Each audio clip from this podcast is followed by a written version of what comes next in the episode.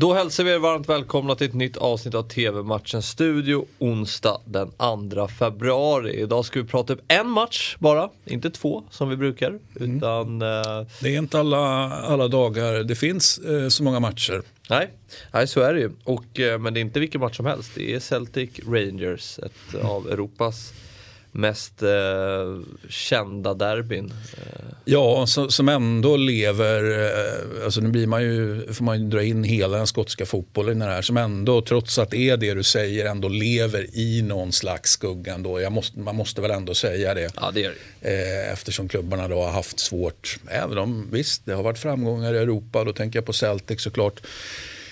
De senaste 20-25 åren så är ju känslan att de har haft förtvivlat, och, och kanske längre än 25 år också för den delen, förtvivlat svårt att, och, ja, att prestera ute i Europa då, med, med något enstaka undantag. Man, man hade väntat sig mer för 25 år sedan. Nu förväntar jag mig typ ingenting när de kommer ut i Europa faktiskt. Jag vet inte hur det är med dig. Nej men det är ju lite som om man tittar på, äh, ja, men när de är i, ja, men, äh, som du sa, Europa, Europa League.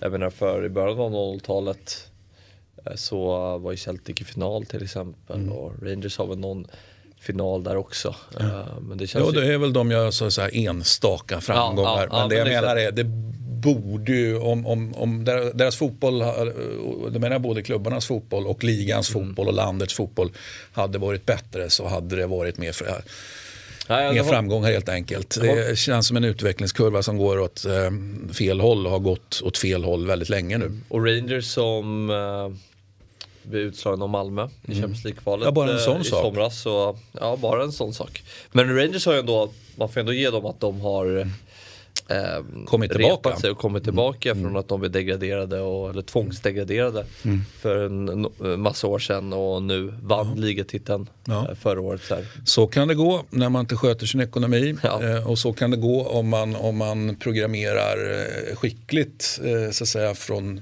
mer, inte scratch var det ju inte men, men ändå. Eh, så det är klart att det är respekt att man tar sig tillbaka på det sättet som man tar sig tillbaka. Det, det är inte självklart fast i Skottland kanske det är självklart. Då var det Steven Gerrard som var på tränarbänken, nu är det Giovanni van Bronckhorst eh, som är där. Mm. Och en annan stor före detta fotbollsspelare med en med Ja, frågan är om man är en stor fotbollsspelare. Där vet jag inte om du för Att det en- var en skicklig fotbollsspelare som fick ut väldigt mycket av sin karriär. Absolut. Eh, Du får inte riktigt mig att skriva under på att han var en stor fotbollsspelare. Han var mycket bra. Ja, ja. Mycket bra. Jag står och märker ord kanske du tycker. Men, Nej, men det- men eh, det kändes viktigt att, att markera där. Ja, nej, jag har jag- stor respekt för van Bronckhorst, jag vill vara jättetydlig. men, men, eh, men eh, stor respekt är inte samma sak som att han var en stor fotbollsspelare. Nej, kanske inte. Eh, men, eh, Men det lät bra va? det lät bra. ja.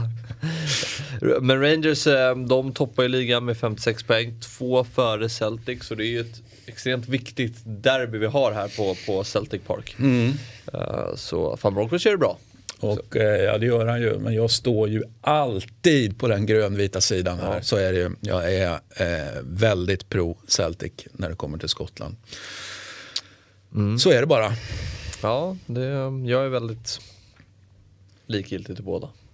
Men det är alltid kul match att kolla på. Det är, eh, det är alltid, jag tycker alltid det, det smäller på bra de här matcherna. Ja, jo, det ska gudarna veta att det gör. Va?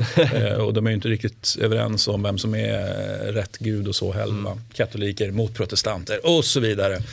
Extra härlig krydda, needless to say.